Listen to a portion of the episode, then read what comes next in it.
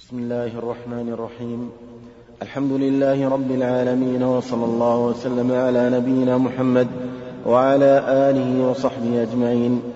قال الإمام مسلم رحمه الله تعالى حدثنا يحيى بن يحيى قال قرأت على مالك عن نعيم بن عبد الله عن أبي هريرة رضي الله عنه قال قال رسول الله صلى الله عليه وسلم على أنقاب المدينة ملائكة لا يدخلها الطاعون ولا الدجال. وحدثنا يحيى بن أيوب وقتيبة وابن حجر جميعا عن, إسماعيل بن جعفر قال أخبرني العلاء عن أبيه عن أبي هريرة رضي الله عنه أن رسول الله صلى الله عليه وسلم قال يأتي المسيح من قبل المشرق همته المدينة حتى ينزل دبر أحد ثم تصرف الملائكة وجهه قبل الشام وهنالك يهلك. حدثنا قتيبة بن سعيد قال حدثنا عبد العزيز عن الدراوردي عن العلاء عن أبيه عن أبي هريرة رضي الله عنه أن رسول الله صلى الله عليه وسلم قال يأتي على الناس زمان يدعو الرجل ابن, ابن عمه وقريبه. الحمد لله رب العالمين والصلاة والسلام على محمد وعلى آله وصحبه أما بعد هذه الحديث فيها فضل المدينة وأنها محروسة من الدجال فلا يدخلها وكذلك الطاعون وأن الله سلمها من الطاعون ومن الدجال. والطاعون هو وباء. يصيب الإنسان يموت من ساعته. يسمونه مرض الآن الكوليرا. هو الطاعون يكون في مراقي اللحم تحت الأذن أو في الإبط. ثم يموت الإنسان لساعته. يسمونه مرض الكوليرا الآن. في دليل على أن المدينة لا لا يدخلها الطاعون ولا الدجال. والدجال يأتي إلى سبخة أو إلى الجرف وينعق ثلاث نعقات فيخرج إليه من المدينة كل كافر وكل منافق وكل يهود ولا يبقى إلا إلا المسلمون. وأما مكة فإنه أيضا ورد أن أنها لا يدخلها الدجال أيضا وأنها وأنها محروسة من الدجال. أما الطاعون فالله أعلم هل يدخل مكة أو لا يدخل لكن المدينة لا يدخلها الطاعون ولا الدجال. هذا الوباء. أما المدينة أما مكة فلا يدخلها الدجال أيضا. جاء في الحديث الآخر أن أن الدجال لا يطأ أرض لا يترك أرضا إلا وطئها إلا مكة والمدينة. وذلك أنه ما من نقل من أقابها إلا وعليه ملك يحرسانها في أيديهم السيوف صلتا. نعم. في فضل المدينة وأنها لا يدخلها الطاعون ولا الدجال. نعم. قال حدثنا قتيبة بن سعيد قال حدثنا عبد العزيز يعني الدراوردي عن العلاء عن أبيه عن أبي هريرة رضي الله عنه أن رسول الله صلى الله عليه وسلم قال يأتي على الناس زمان يدعو الرجل ابن, عمه وقريبه. هلم, هلم إلى الرخاء هلم إلى الرخاء. والمدينة خير لهم لو كانوا يعلمون. والذي نفسي بيده لا يخرج منهم أحد رغبة عنها إلا أخلف الله فيها خيرا منه. ألا إن المدينة كالكير. تخرج الخبيث لا تقوم الساعة حتى تنفي المدينة شرارها كما ينفي الكير خبث الحديد. نعم هذا في دليل على أن أنه يخرج أناس من المدينة يعني البلاد الخصب والسعة والرخاء أن يخرجون إلى الشام وإلى غيرها. والمدينة خير لهم لو كانوا يعلمون. ولا وفيه أن من خرج على المدينة رغبة عنها أبدله الله خيرا منها بهذا القيد رغبة عنها. أما إذا خرج لا رغبة عنها. لطلب العلم أو للدعوة إلى الله أو للتجارة أو لغيرها. فلا يصدق عليه أنه خرج منها رغبة عنها. الصحابة رضوان الله عليهم خرجوا من المدينة إلى الأمصار ونشروا دين الله وجاهدوا في سبيل الله. فمن خرج من المدينة رغبة عنها بهذا القيد أبدله الله خيرا منها أما من خرج عنها لا رغبة عنها وإنما للدعوة إلى الله أو لنشر العلم أو للجهاد أو للتجارة أو لغيرها فلا. وهي أن المدينة كالكير تنفي خبثها.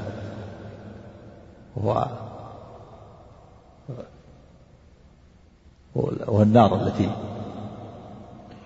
صفى فيها الذهب. إن الذهب إذا أحمي على النار خلص الذهب وزال الوسخ. وكذلك الحديد والفضة.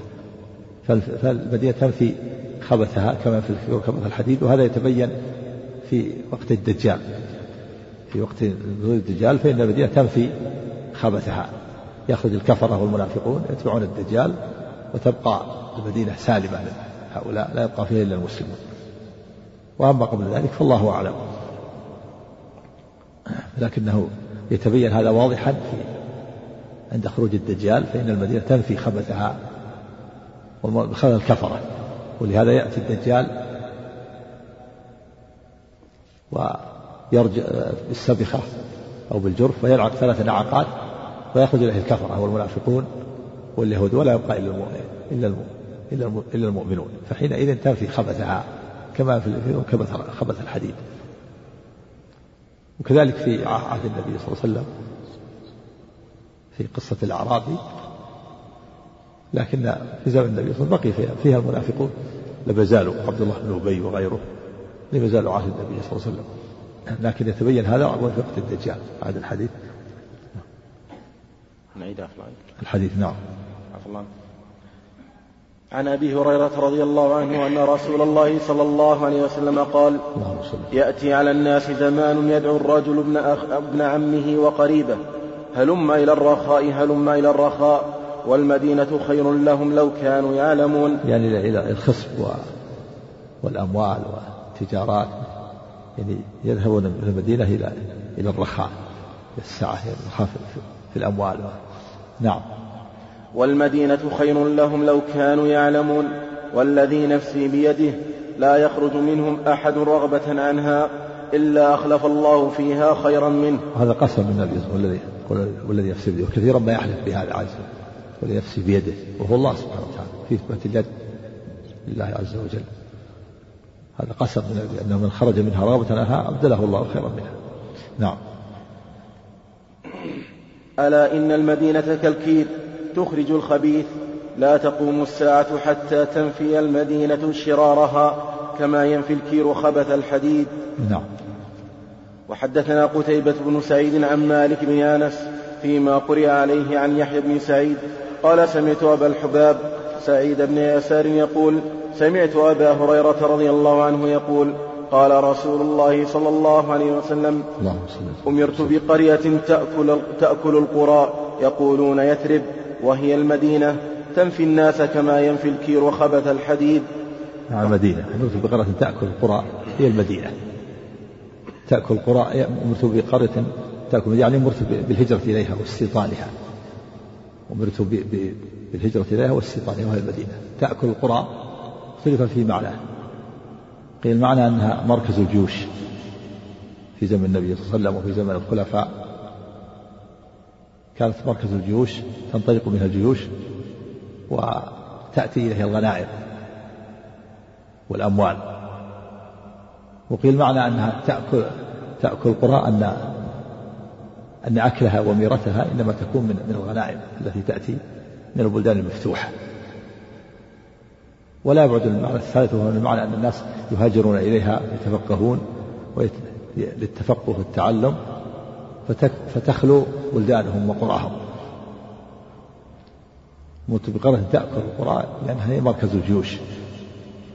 في زمن النبي صلى الله عليه وسلم وفي زمن أبي بكر وعمر وعثمان تنطلق منها الجيوش. فتأتي الغنائم إليها كما من الشام ومصر أرض العراق أو السواد. أو أن المعنى أنها أنها أن ميرتها وأكلها إنما يكون من البلدان المفتوحة فتكون تأكل القرآن.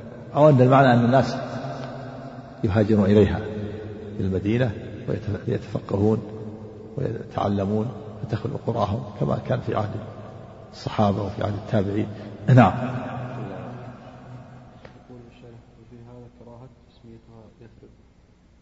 يأتي هذا. نعم. الله نعم. وحدثنا عمرو الناقد وابن, وابن أبي عمر قال حدثنا سفيان حاون وحدثنا ابن المثنى قال حدثنا عبد الوهاب جميعا عن يحيى بن سعيد بهذا الإسناد وقال كما ينفي الكير الخبث لم يذكر الحديد. حدثنا يحيى بن يحيى قال قرأت على مالك عن محمد بن المنكدر عن جابر بن عبد الله رضي الله عنهما أن أعرابيا بايع رسول الله صلى الله عليه وسلم فأصاب الأعرابي وعاكم بالمدينة فأتى النبي صلى الله عليه وسلم فقال يا محمد أقلني بيعتي. فأبى رسول الله صلى الله عليه وسلم ثم جاءه فقال أقلني بيعتي. فأبى ثم جاءه فقال أقلني بيعتي. فأبى فخرج الأعرابي فقال رسول الله صلى الله عليه وسلم إنما المدينة كالكير تنفي خبثها وينصع طيب طيبها. نعم وهذا الأعرابي لم يستقر الإيمان في قلبه ولهذا ما صبر على لما أصاب وعك حمى في المدينة جاء إلى النبي صلى الله عليه وسلم قال أقل لي بيعتي يعني افسخ البيعة على الإسلام فأبى النبي صلى الله عليه وسلم لا يجوز ترك الإسلام وترك الهجرة وكرر هذا ثلاثة كل مرة يقول أقل لي بيعتي يعني افسخ بيع البيعة على الإسلام والبيعة على الهجرة فأبى عليه النبي صلى الله عليه وسلم فخرج الأعرابي من المدينة فقال إن المدينة كالكثير تنفي خبثها وهذا من الخبث نفته لأنه لم يستقر الإيمان في قلبه يعني أراد الردة على الإسلام نعوذ بالله.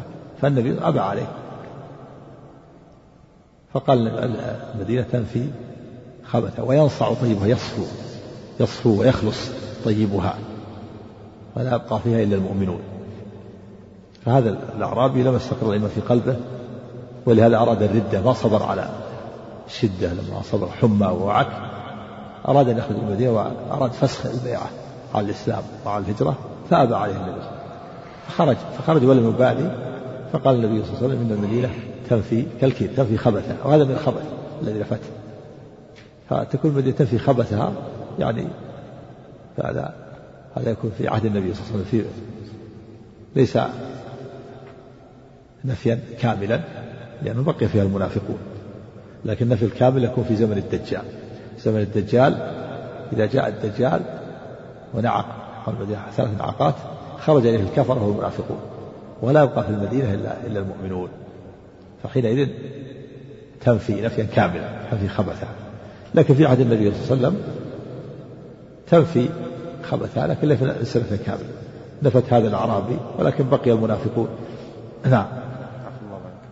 وحدثنا عبيد الله بن معاذ.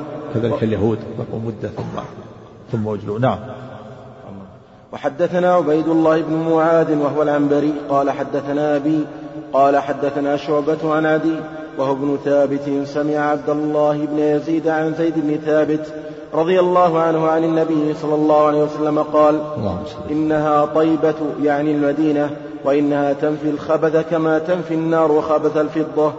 نعم. وحدثنا قتيبة بن سعيد وهناد بن السري وأبو بكر بن أبي شيبة قالوا حدثنا أبو الأحوص عن سماك عن جابر بن سامرة رضي الله عنه قال سمعت رسول الله صلى الله عليه وسلم يقول إن الله تعالى سمى المدينة طابة. نعم اسمها طابة طيبة والمدينة هذه أسماءها من الطيب. وأما تسميتها يثرب فهذا تسمية جاهلية. تسمية جاهلية فلا ينبغي أن تسمى يثرب وإنما اسمها المدينة وطابة وطيبة. وأما قول الله تعالى وإذ قالت طائفة منهم يا أهل يثرب لا مقام لكم فارجعوا. فهذا أخبر الله أنه من قول المنافقين. هذا من قول المنافقين. وإذ قالت طائفة يعني من المنافقين. وإذ قالت طائفة منهم يا أهل يثرب لا مقام لكم فارجعوا. وأما تسمى بالمدينة المنورة فهذا لا أصل له. كلمة المنورة ما أصل له إنما اسمها المدينة النبوية. قال بعضهم لعل هذا لعل هذا الوصف صوفي وأنه الصوفية. كذلك اسمه مكة المكرمة. ما له أصل مكرمة مكة الله سماها مكة. ببطن مكة من بعد أظفركم عليه. قال ببطن مكة وببطن الحديث ببطن مكة. ولم ولم يقل مكرمة. سماها المدينة ولم يقل منورة. زيادة المنورة ما لا أصل لها. وزيادة المكرمة في مكة لا أصل لها. إنه اسمه مكة واسمها المدينة النبوية. قال المدينة النبوية. فالمنورة شيء حادث. ولعل أحدث بعض الصوفية ليس ببعيد. نعم. حدثني محمد بن لكن تسمية يثرب هذا ما ينبغي. هذا اسم جاهلي. أقل أحوال الكراهة كما ذكرنا أول. لأنه اسم جاهلي. نعم. حدثني محمد بن حاتم وإبراهيم بن دينار قال حدثنا حجاج بن محمد حاء وحدثني محمد بن رافع قال حدثنا عبد الرزاق كلاهما عن ابن جريج قال أخبرني عبد الله بن عبد الرحمن ابن ابن يوحنس عن أبي عبد الله القراض أنه قال أشهد على أبي هريرة رضي الله عنه أنه قال قال أبو القاسم صلى الله عليه وسلم من أراد أهل هذه البلدة بسوء يعني المدينة أذابه الله كما يذوب الملح في الماء. نعم وهذا وعيد شديد وعيد شديد من أراد أهل المدينة. يعني قال بعضهم من أرادها غازيا أو أرادها بسوء فعليه هذا الوعيد الشديد. وأن الله يذيبه. كما في النار كما يذوب الملح في الماء. هذا وعيد شديد بل وعيد. والقراض هذا نسبة إلى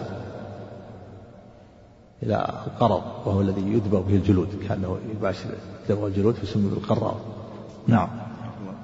وحدثني محمد بن حاتم وإبراهيم بن دينار قال حدثنا حجاج حاء وحدثنيه محمد بن رافع قال حدثنا عبد الرزاق جميعا عن ابن جريج قال أخبرني عمرو بن يحيى بن عمارة أنه سمع القراض وكان من أصحاب أبي هريرة رضي الله عنه يزعم أنه سمع أبا هريرة رضي الله عنه يقول قال رسول الله صلى الله عليه وسلم من أراد أهلها بسوء يريد المدينة أذابه الله كما يذوب الملح, كما يذوب الملح في الماء. قال ابن حاتم في حديث ابن يحنس بدل قوله بسوء شرا. نعم من أراد أهلها بشر وهذا أيضا خاصا بأهل المدينة. كل من أراد المسلمين بسوء فعليه الوعيد الشديد لا شك أنه متوعد.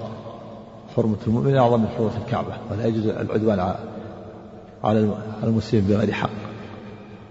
قال النبي صلى الله عليه وسلم لا ترجعوا بعدي كفارا يضرب بعضكم رقاب بعض. قال إن دماءكم وأموالكم وأعراضكم عليكم حرام. لكن إرادة المدينة بسوء أشد وأغلب وإلا فكل من أراد المسلمين بسوء فعليه الوعيد الشديد لا شك أنه متوعد. عليه العالم متوعد بالنار. من آذى مسلما. جاء في الحديث الآخر من حبس مسلما أو آذاه بغير حق. وحرمة المؤمن أعظم من حرمة الكعبة. فعليه الوعيد الشديد. لكن إرادة المدينة بسوء أشد وأغلظ نعم. فيما جعل الله في المدينة بأنها مكان هجرة النبي صلى الله عليه وسلم. و ولما فيها من ولأن فيها حرما. ينبغي أن يكون حرما آمنا. وهي مسكن أصحاب النبي صلى الله عليه وسلم والمهاجرين وأصحابه نعم. حدثنا ابن أبي عمر قال حدثنا سفيان عن أبي هارون موسى بن أبي عيسى حاون وحدثنا ابن أبي عمر قال حدثنا الدراوردي عن محمد بن عمرو جميعا سمع أبا عبد الله القراض سمع أبا هريرة رضي الله عنه عن النبي صلى الله عليه وسلم بمثله.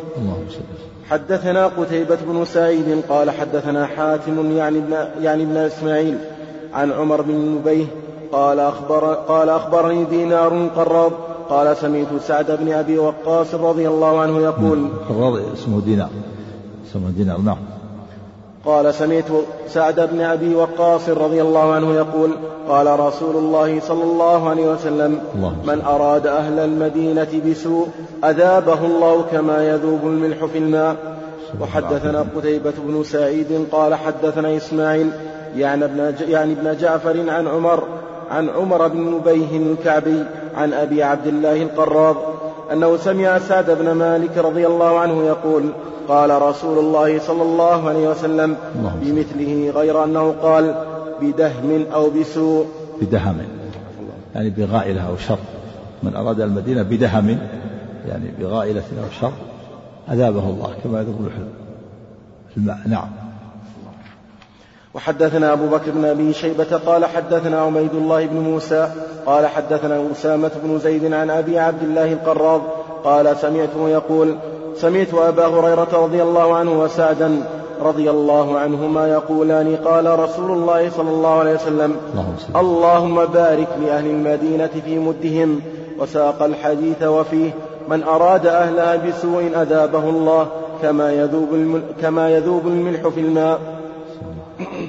حدثنا أبو بكر بن أبي شيبة قال حدثنا وكيل عن هشام بن عروة عن أبيه عن عبد الله بن الزبير عن سفيان بن أبي زهير قال قال رسول الله صلى الله عليه وسلم تفتح الشام فيخرج من المدينة قوم بأهلهم يبسون والمدينة يبسون أو يبسون. قال يبسون ويبسون بضم الماء الباء وكسرها.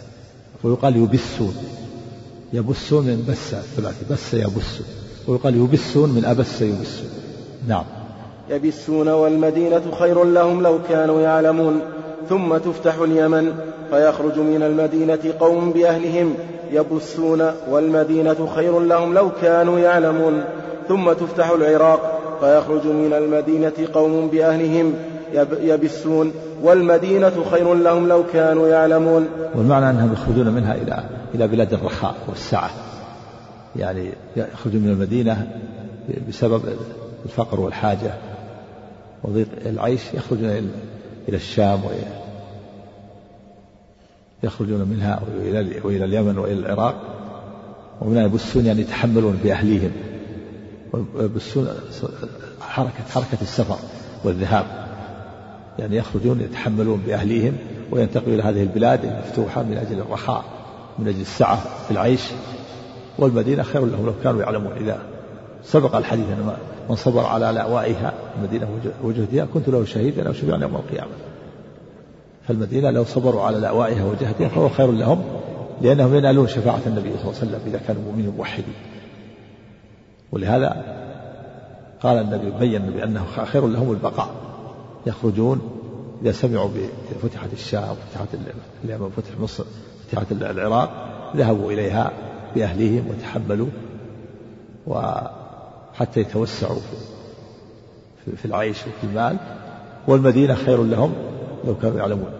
البقاء فيها والصبر على لأوائها وجهدها ومشقتها ينال به المسلم شفاعة النبي صلى الله عليه وسلم إذا وجدت الشروط التي الموانع. فالمدينة خير لهم لو كانوا يعلمون وصبروا على لأوائها وجهدها. لكنهم يذهبون إلى بلاد المفتوح ولا يصبرون ولا يصبر إلا قليل نعم.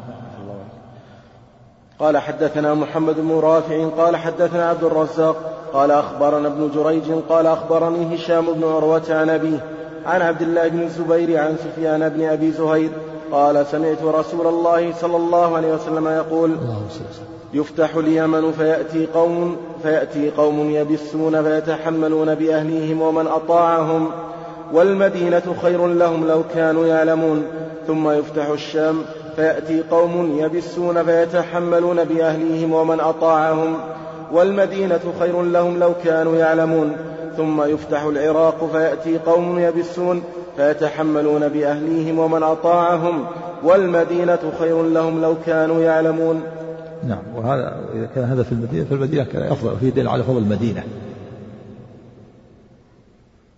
وأنها هي مكة أفضل البقاع ومكة أفضل منها على الصحيح. لأن النبي صلى الله عليه وسلم قال في مكة لما هاجر إنك خير بلاد الله وأحب البلاد إلى الله ولولا أني أخرجت منك ما خرجت. دل على أن مكة خير البلاد. مكة أفضل البلاد. ثم يليها المدينة على الصحيح. قال بعض العلماء المدينة أفضل من مكة. والصواب القول الأول. نعم. أن مجاورة في المدينة مكة أفضل. ثم المجاورة في المدينة. وأما هذا المجاورة لكن كون الإنسان يبقى في في مكة في المدينة أيهما أفضل يسكن في مكة أو في المدينة أو أو في غيرها؟ حقق شيخ الإسلام رحمه الله أن الإقامة في بلد آه، يكون أصلح لقلب الإنسان أفضل.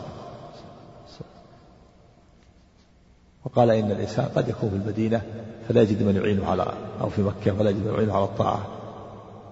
فلا يجد يعني خشوعا وقوة في إيمانه. وقد يكون في بلاد خارج مكة والمدينة فيجد من الأصحاب من يعينه على على الطاعة وعلى الدعوة إلى الله. ويكون هذا أنفع له وأصلح لقلبه. فيكون هذا هو الأفضل. الأفضل أن يقيم الإنسان في بلد يكون أصلح لقلبه. نعم. قال حدثني زهير بن حرب قال حدثنا أبو صفوان عن يونس بن يزيد حاون وحدثني حرملة بن يحيى واللفظ له قال أخبرنا ابن وهب قال أخبرني يونس عن ابن شهاب عن سعيد بن المسيب أنه سمع أبا هريرة رضي الله عنه يقول قال رسول الله صلى الله عليه وسلم للمدينة لا يتركنها أهلها على خير ما كانت مذللة للعوافي يعني السباع والطير. حدثني زهير بن حرب قال حدثنا أبو صفوان عن يونس بن يزيد حاء وحدثني حرملة بن يحيى واللفظ له. قال أخبرنا ابن وهب قال أخبرني يونس عن ابن شهاب عن سعيد بن المسيب أنه سمع أبا هريرة رضي الله عنه يقول قال رسول الله صلى الله عليه وسلم للمدينة ليتركنها أهلها على خير ما كانت مدللة للعوافي يعني السباع والطير.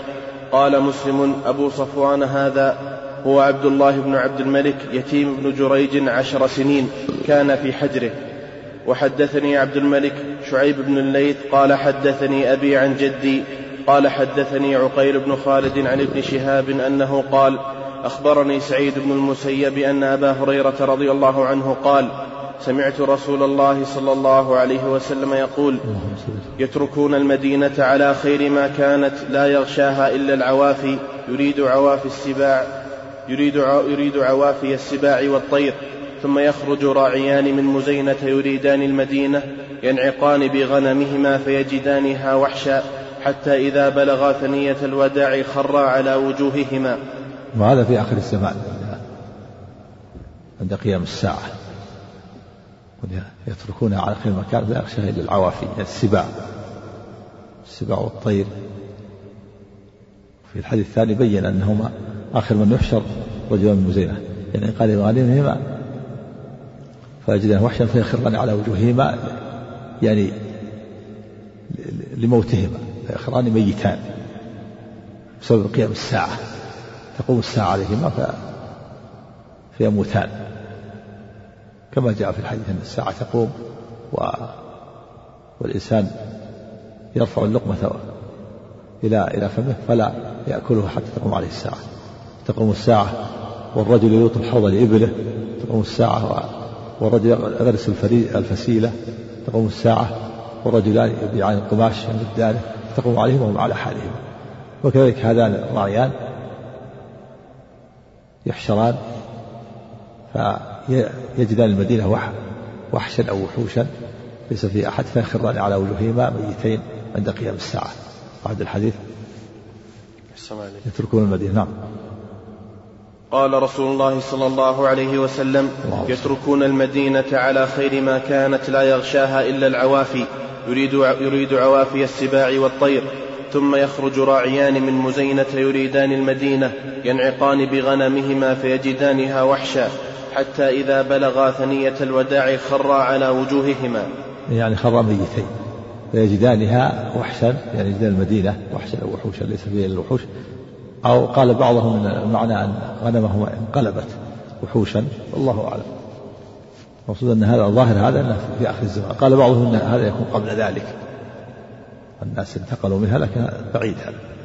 والأقرب أن هذا إنما يكون في آخر الزمان عند قيام الساعة. نعم. وحدثنا قتيبة بن سعيد عن مالك بن أنس فيما قرئ عليه عن عبد الله بن أبي بكر عن عباد بن تميم عن عبد الله بن زيد المازني رضي الله عنه أن رسول الله صلى الله عليه وسلم قال ما بين بيتي ومنبري روضة من رياض الجنة. وحدثنا يحيى بن يحيى قال أخبرنا عبد العزيز بن محمد المدني عن يزيد بن الهاد عن أبي بكر عن عباد بن تميم عن عبد الله بن زيد الأنصاري رضي الله عنه أنه سمع رسول الله صلى الله عليه وسلم يقول ما بين منبري وبيتي روضة من رياض الجنة.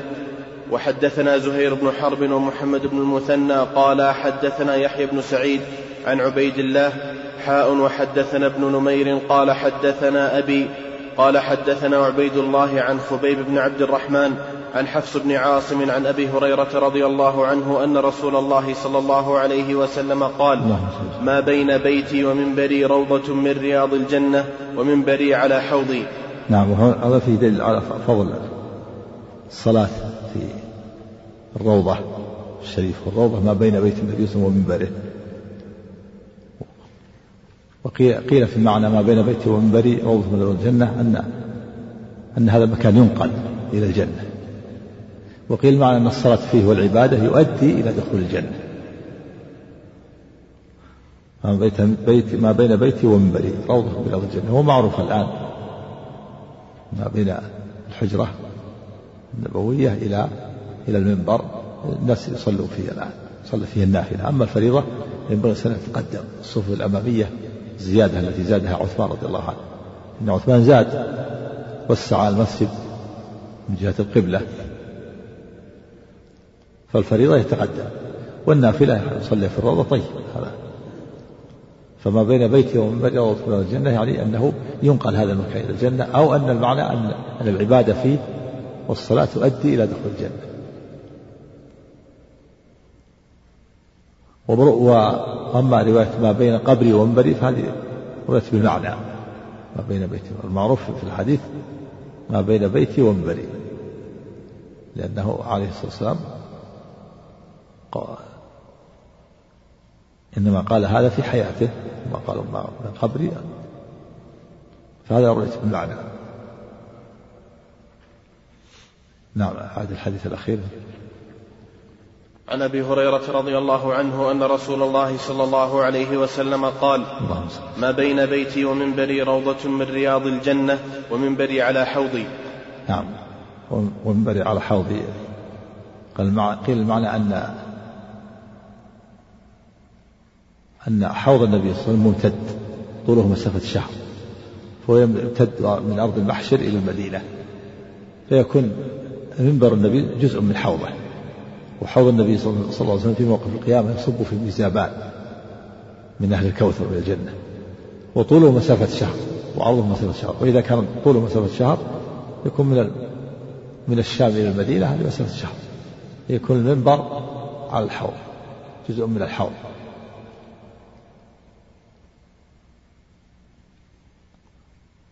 نعم. وحدثنا عبد الله بن مسلمة. وأما قول المنبر على ما بين بيت المنبر من الجنة كما سبق أنه يكون معنى يكون المكان ينقل في الجنة. أو المعنى أن العبادة تؤدي العبادة والصلاة فيه يؤدي إلى الجنة. أو المعنى الأنس والملازمة والراحة والطمأنينة التي يحصل للمصلي في الروضة. يؤدي إلى إلى دخول الجنة. نعم. وحدثنا عبد الله بن مسلمة بن قعنب القعنبي قال حدثنا سليمان بن بلال عن عمرو بن يحيى عن عباس بن سهل الساعدي عن أبي حميد رضي الله عنه قال خرجنا مع رسول الله صلى الله عليه وسلم غزوة تبوك وساق الحديث وفيه ثم أقبلنا حتى قدمنا وادي القرى. فقال رسول الله صلى الله عليه وسلم إني مسرع فمن شاء منكم فليسرع معي ومن شاء فليمكث. فخرجنا حتى أشرفنا على المدينة فقال هذه طابة وهذا أحد وهو جبل يحبنا ونحبه.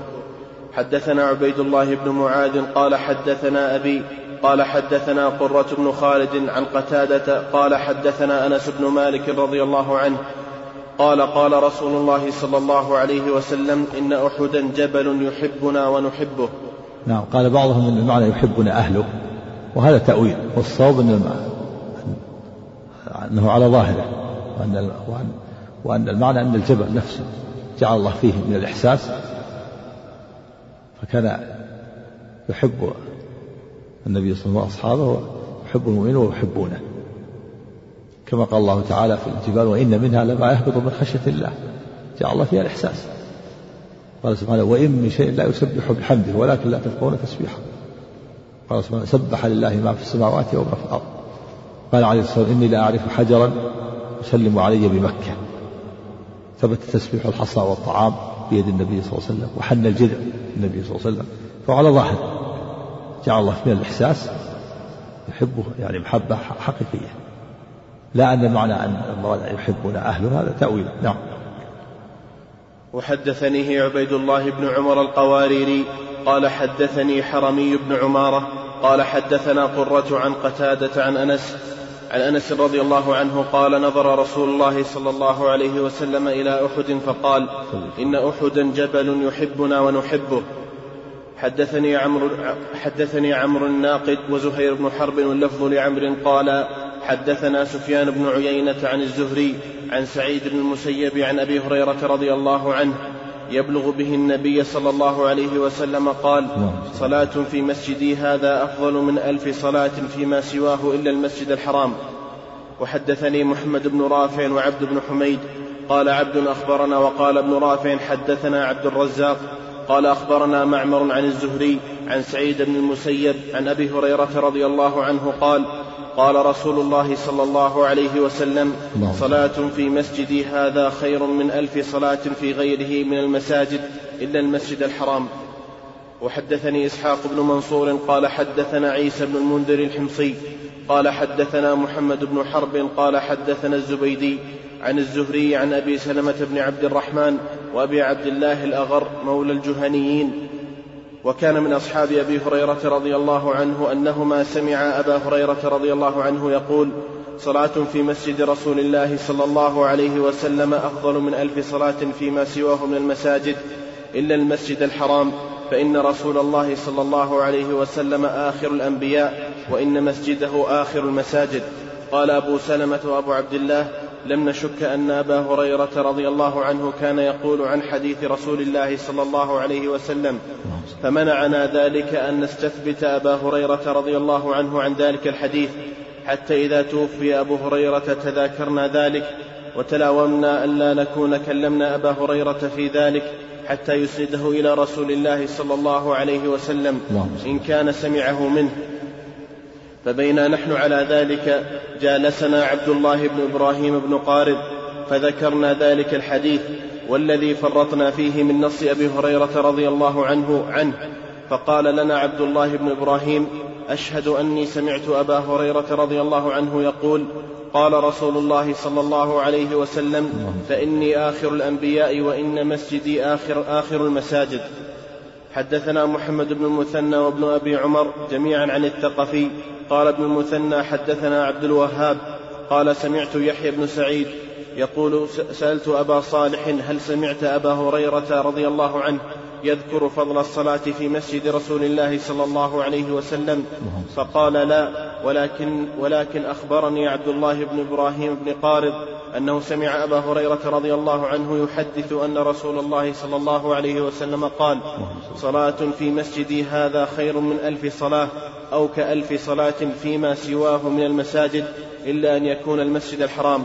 وحدثنيه زهير بن حرب وعبيد الله بن سعيد ومحمد بن حاتم قالوا حدثنا يحيى القطان عن يحيى بن سعيد بهذا الإسناد. وحدثني زهير بن حرب ومحمد بن المثنى قال حدثنا يحيى وهو القطان عن عبيد الله قال أخبرني نافع عن ابن عمر رضي الله عنهما عن النبي صلى الله عليه وسلم قال صلاة في مسجدي هذا أفضل من ألف صلاة فيما سواه إلا المسجد الحرام. وحدثناه أبو بكر بن أبي شيبة قال حدثنا ابن نمير وأبو أسامة حاء وحدثناه ابن نمير قال حدثنا أبي حاء وحدثناه محمد بن المثنى قال حدثنا عبد الوهاب كلهم عن عبيد الله بهذا الإسناد. وحدثني إبراهيم بن موسى قال أخبرنا ابن أبي زائدة عن, مو عن موسى الجهني عن نافع عن ابن عمر رضي الله عنهما قال سمعت رسول الله صلى الله عليه وسلم يقول بمثله وحدثناه ابن وحدثناه ابن أبي عمر قال حدثنا عبد الرزاق قال أخبرنا معمر عن أيوب عن نافع عن ابن عمر رضي الله عنهما عن النبي صلى الله عليه وسلم بمثله. وحدثنا قتيبة بن سعيد ومحمد بن رمح جميعا عن الليث بن سعد. قال قتيبة حدثنا ليث عن نافع عن إبراهيم بن عبد الله بن معبد عن ابن عباس رضي الله عنهما أنه قال إن امرأة اشتكت شكوى فقالت إن, شفا إن شفاني الله لأخرج لأخرجن فلأصلين في بيت المقدس فبرأت ثم تجهزت تريد الخروج فجاءت ميمونة زوج النبي صلى الله عليه وسلم تسلم عليها فأخبرتها ذلك فقالت اجلسي فكلي, فكلي ما صنعت وصلي في مسجد الرسول صلى الله عليه وسلم فإني سمعت رسول الله يقول فإني سمعت رسول الله صلى الله عليه وسلم يقول صلاة فيه أفضل من ألف صلاة فيما سواه من المساجد إلا مسجد الكعبة. حدثني وهذا من فتح ميمونة رضي الله عنها. فإن فإن هذه المرأة نذرت إن شفاها الله أن تصلي في المسجد الأقصى. فقالت لها ميمونة رضي الله عنها صلي في مسجد النبي صلى الله عليه وسلم فإنه أفضل. فأنت تنتقلين من الفاضل إلى الأفضل وكلي ما صنعتي يعني ما عدت من الطعام كلي هنا. وصلي في مسجد النبي صلى الله عليه وسلم. ويكفيك. ولا تكلفي تذهبي إلى المسجد الأقصى. حين فهمت رضي الله عنها أن الصلاة في المسجد الفاضل أفضل. أفضل. وهذا صحيح. وقد جاء ما يدل على هذا. جاء أن رجلا قال إني نذرت أن جاء في سنن أن رجلا قال النبي صلى الله عليه وسلم إني نذرت أن أصلي في المسجد الأقصى. فقال النبي صل ها هنا في المسجد النبوي. فأعاد عليه وقال صل ها هنا ثلاثة. فقال في الثالثة فلما أبى قال شأنك إذا. دل على أن من نذر في في مكان ثم أراد أن ينتقل إلى الأفضل فلا حرج. هذا من فقه ميمونة. هذه المرأة نذرت أن تصلي في المسجد الأقصى فقالت لها صلي في المسجد النبوي فإنه أفضل. ومثلها أيضا لو ذر نذر الإنسان أن يذبح شاة ثم أبدلها بخير منها فهذا أفضل لأنه زاد خيرا. إشكال النووي على وفي هذا الحديث يدل على فضل مسجد النبي صلى الله عليه وسلم وأن الصلاة فيه خير من ألف صلاة إلا المسجد الحرام. جاء في الحديث الآخر أن الصلاة في المسجد الحرام خير من مئة ألف والصلاة في المسجد النبوي خير من ألف صلاة. والصلاة في المسجد خير من خمسمائة قال بعضهم إن مسجد النبي صلى الله عليه وسلم فيه أفضل. والصواب أن المسجد في المسجد الحرام أفضل كما جاء في الأحاديث. وبهذا اختلف العلماء أيهما أفضل مكة أو المدينة. قال بعضهم مكة أفضل وقال آخر المدينة أفضل. والنووي نقل عن قاضي عياض إن إن تربة النبي صلى الله عليه وسلم نقل الإجماع أنها أفضل. تربة قبل النبي صلى الله عليه وسلم كلام الشارح النووي على هذا عندك قال هذه الدلالة ظاهرة وهذا حجة لأصح الأقوال في مذهبنا في هذه المسألة. فإنه إذا نذر صلاة في مسجد المدينة أو الأقصى هل تتعين؟ فيه قولان الأصح تتعين فلا تجزئه تلك الصلاة في غيره. والثاني لا تتعين بل تجزئه تلك الصلاة حيث صلى. فإذا قلنا تتعين فنذرها في أحد هذين المسجدين ثم أراد أن يصليها في الآخر ففيه ثلاثة أقوال. أحدها يجوز والثاني لا يجوز والثالث وهو الأصح إن نذرها في الأقصى جاز العدول إلى مسجد المدينة دون عكسه والله أعلم. نعم. لا في مفاضلة بين مكة والمدينة قبل هذه يمكن الحديث نعم. في هذه الحديث أن مكة أفضل والمدينة أفضل. كلام القاضي عياض في تفضيل تربة. قبر النبي صلى الله عليه وسلم.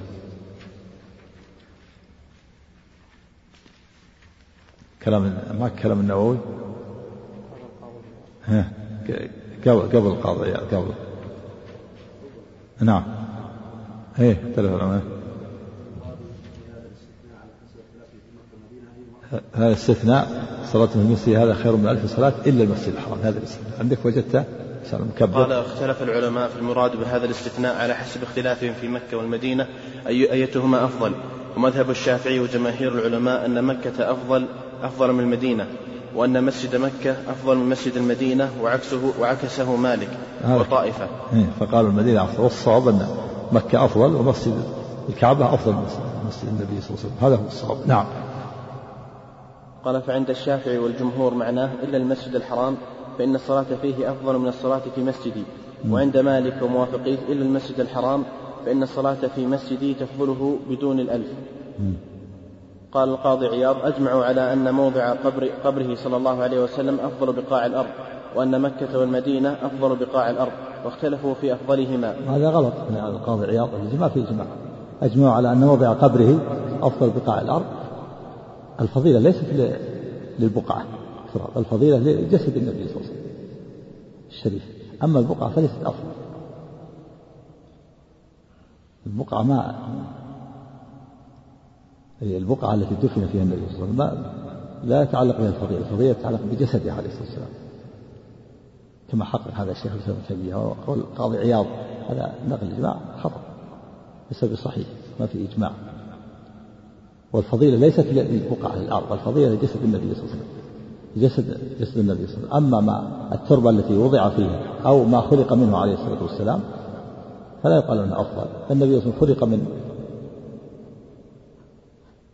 من أبيه عبد الله ولا يقال إن جسد أبيه عبد الله أفضل من أفضل من الأنبياء.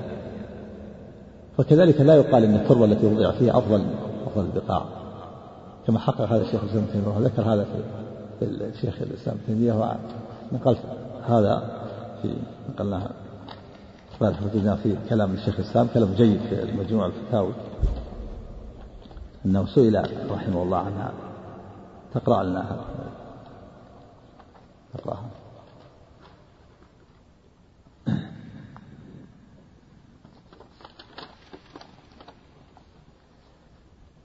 وسئل شيخ الإسلام رحمه الله تعالى عن التربة التي دفن فيها النبي صلى الله عليه وسلم. هل هي أفضل من المسجد الحرام؟ فأجاب وأما التربة وأما التربة التي دفن فيها النبي صلى الله عليه وسلم فلا أعلم أحدا من الناس قال إنها أفضل من المسجد الحرام أو المسجد النبوي أو المسجد الأقصى. إلا القاضي عياض فذكر ذلك إجماعا وهو قول لم لم لم يسبقه إليه أحد فيما علمناه. ولا حجة عليه بل بدن النبي صلى الله عليه وسلم أفضل من المساجد. وأما ما فيه خلق أو ما فيه ما, ما, ما فيه. نعم خلق. وأما ما منه خلق. كذا صحيح. وأما ما منه خلق نعم. أو ما فيه دفن نعم. فلا يلزم إذا كان هو أفضل أن يكون ما منه خلق أفضل. يعني الرسول مخلوق من من ماء أبيه وأمه. ماء أبيه عبد الله وأمه آمنة. فلا يقال إن إن جسد أبيه أفضل من أجساد الأنبياء لأن النبي مخلوق منه. لا النبي مخلوق منه لكن لا يلزم من هذا أن يكون ما خلق منه أفضل. فالنبي صلى الله عليه وسلم أفضل الناس. ولا يقال إن إن بدن أبيه عبد الله أفضل من الأنبياء لأنه مخلوق منه. فكذلك لا يقال إن التربة التي وضع فيها أفضل من مكة والمدينة. فإن الله تعالى يخرج الحي من الميت ويخرج الميت من الحي. نعم.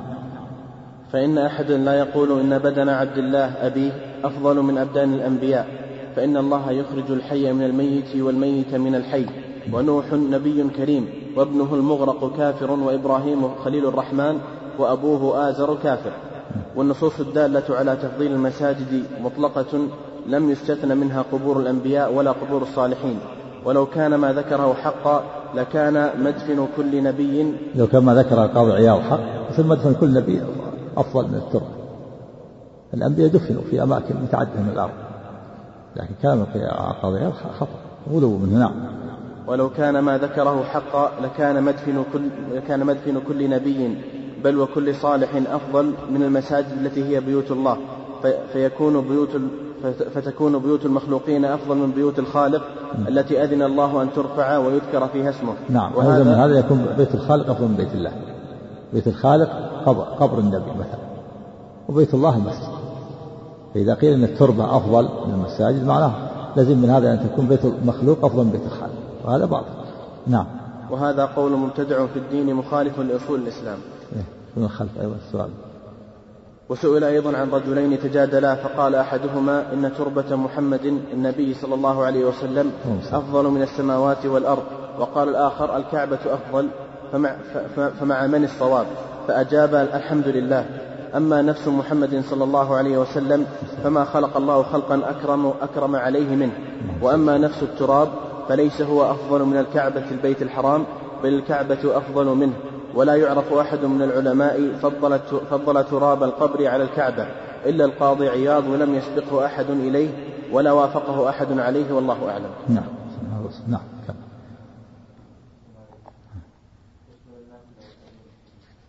في خلاف.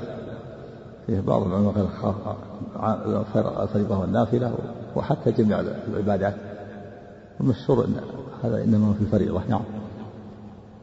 وحدثني عمرو الناقد وزهير بن حرب جميعا عن ابن عيينة قال عمرو حدثنا سفيان عن الزهري عن سعيد عن أبي هريرة رضي الله عنه يبلغ به النبي صلى الله عليه وسلم لا تشد الرحال إلا إلى ثلاثة مساجد مسجدي هذا ومسجد الحرام ومسجد الأقصى. وحدثناه أبو بكر بن أبي شيبة قال حدثنا عبد الأعلى عن معمر عن الزهري بهذا الإسناد غير أنه قال تشد الرحال إلى ثلاثة مساجد. وحدثنا هارون بن سعيد الأيلي قال حدثنا ابن لا شد الرحال للعباده إلا هذه المساجد الثلاثة. أما شد الرحل للتجارة أو للزيارة أو لطلب العلم أو للسياحة أو للتعزية أو لغيرها فلا حرج. ولهذا لما شد الرحل أبو هريرة إلى إلى الطور جبل الطور قال له أبو بصر الغفاري لو علمت لما فعلت يعني لما نعطيك من ذلك. فلا تشد الرحل جبل الطور ولا غير التعبد العبادة إلا لهذه المساجد الثلاثة نعم. وحدثنا هارون بن سعيد الأيلي قال حدثنا ابن وهب قال حدثني عبد الحميد بن جعفر أن عمران بن أبي أنس حدثه أن سلمان الأغر حدثه أنه سمع أبا هريرة رضي الله عنه يخبر أن رسول الله صلى الله عليه وسلم قال إنما يسافر إلى ثلاثة مساجد مسجد الكعبة ومسجد ومسجد إيلياء إيلياء مسجد الكعبة هو مسجد الحرام ومسجد الرسول هو مسجد إيلياء يعني هو مسجد الأقصى. نعم. في الشام. نعم.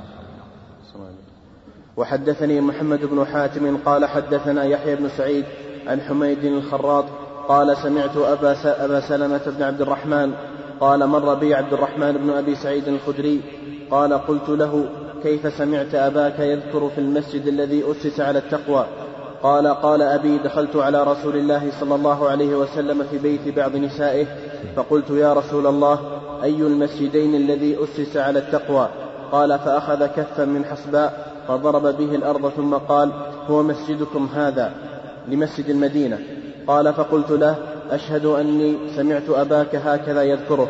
وحدثنا أبو بكر يعني أنه مسجد النبي صلى الله عليه وسلم. والآية لمسجد على التقوى من أول يوم في مسجد قباء وهذا لإزالة الوهم. أن مسجد النبي صلى الله عليه وسلم أسس على التقوى. والمعنى أنه إذا كان مسجد قباء أسس على التقوى فمسجد النبي صلى الله عليه وسلم من باب أولى أسس على التقوى. فكل من المسجدين أسس على التقوى مسجد قباء ومسجد النبي والآية في مسجد قباء لمسجد أسس على التقوى من أول يوم الحق أن تقوم فيه. فيه رجال يحبون أن يتطهروا والله يحب المطهرين. وهذا لإزالة الوهم كما قال المسجد هذا. يعني إذا كان مسجد قباء أسس على التقوى فمسجد النبي صلى الله عليه وسلم مؤسس على التقوى من باب أولى. من باب أولى أن يكون أسس على التقوى. فكل من المسجدين أسس على التقوى. نعم. وحدثنا أبو بكر بن أبي شيبة وسعيد بن عمرو الأشعثي. قال سعيد أخبرنا وقال أبو بكر حدثنا حاتم بن إسماعيل عن حميد عن أبي سلمة عن أبي سعيد رضي الله عنه عن النبي صلى الله عليه وسلم بمثله ولم يذكر عبد الرحمن بن أبي سعيد في الإسناد. وحدثنا أبو جعفر أبو جعفر أحمد بن منيع قال حدثنا إسماعيل بن إبراهيم قال حدثنا أيوب عن نافع عن ابن عمر رضي الله عنهما أن رسول الله صلى الله عليه وسلم كان يزور قباء راكبا وماشيا. وحدثنا أبو بكر بن أبي شيبة قال حدثنا عبد الله بن نمير وأبو أسامة عن عبيد الله حاء وحدثنا محمد بن عبيد الله بن نمير قال حدثنا أبي قال حدثنا عبيد الله عن نافع عن ابن عمر رضي الله عنهما قال كان رسول الله صلى الله عليه وسلم يأتي مسجد قباء راكبا وماشيا فيصلي فيه ركعتين. قال أبو بكر في روايته قال قال ابن نمير فيصلي فيه ركعتين. وحدثنا محمد بن المثنى قال حدثنا يحيى قال حدثنا عبيد الله قال أخبرني نافع عن ابن عمر رضي الله عنهما أن رسول الله صلى الله عليه وسلم كان يأتي قباء راكبا وماشيا وحدثني أبو معن الرقاشي زيد بن, زيد بن يزيد الثقفي بصري ثقة قال حدثنا خالد يعني ابن الحارث عن ابن عجلان عن نافع عن ابن عمر رضي الله عنهما عن النبي صلى الله عليه وسلم بمثل حديث يحيى القطان. في في مشروعية زيارة مسجد قباء والصلاة فيه لمن كان في المدينة. فيه أنه لا بأس بالركوب إذا كان في البلد المسجد إذا كان في البلد. إنما شد الرحل إذا كان للسفر. أما إذا ركب في البلد لا حرج. في البلد. وفي مشروعية الصلاة في مسجد قباء لمن كان في المدينة. وفي تسمية اليوم ب والأسبوع باليوم. كل سبت. يعني كل أسبوع. كل جمعة كل سبت كل خميس. نعم. وحدثنا يحيى بن يحيى قال قرأت على مالك جاء في السنن في غير الصحيح من تطهر في بيته ثم أتى مسجد قباء فصلى فيه ركعتين كان كأجر عمرة. كان كأجر عمرة في فضل من تطهر في بيته وصلى في مسجد قباء. يعني لمن كان في المدينة وأنه كان كأجر عمرة. من طهر في بيته ثم أتى قباء فصلى ركعتين كان كأجر عمرة. في غير الصحيح نعم. نعم أحسن الله وحدثنا يحيى بن يحيى قال قرأت على مالك عن عبد الله بن دينار عن عبد الله بن عمر رضي الله عنهما أن رسول الله صلى الله عليه وسلم كان يأتي قباء راكبا وماشيا. وحدثنا يحيى بن أيوب وقتيبة وابن حجر. قال ابن أيوب حدثنا إسماعيل بن جعفر. قال قال أخبرني عبد الله بن دينار أنه سمع عبد الله بن عمر رضي الله عنهما يقول كان رسول الله صلى الله عليه وسلم يأتي قباء راكبا وماشيا. وحدثني زهير بن حرب قال حدثنا سفيان بن عيينة عن عبد الله بن دينار أن ابن عمر رضي الله عنهما كان يأتي قباء كل سبت وكان يقول رأيت النبي صلى الله عليه وسلم يأتيه كل سبت. وحدثناه ابن أبي عمر قال حدثنا سفيان عن عبد الله بن دينار عن عبد, عن عبد الله بن عمر رضي الله عنهما أن رسول الله صلى الله عليه وسلم كان يأتي قباء يعني كل سبت كان يأتيه راكبا وماشيا. قال ابن دينار وكان ابن عمر يفعله. وحدثنيه عبد الله بن هاشم قال حدثنا وكيع عن سفيان عن ابن دينار بهذا الإسناد ولم يذكر كل سبت.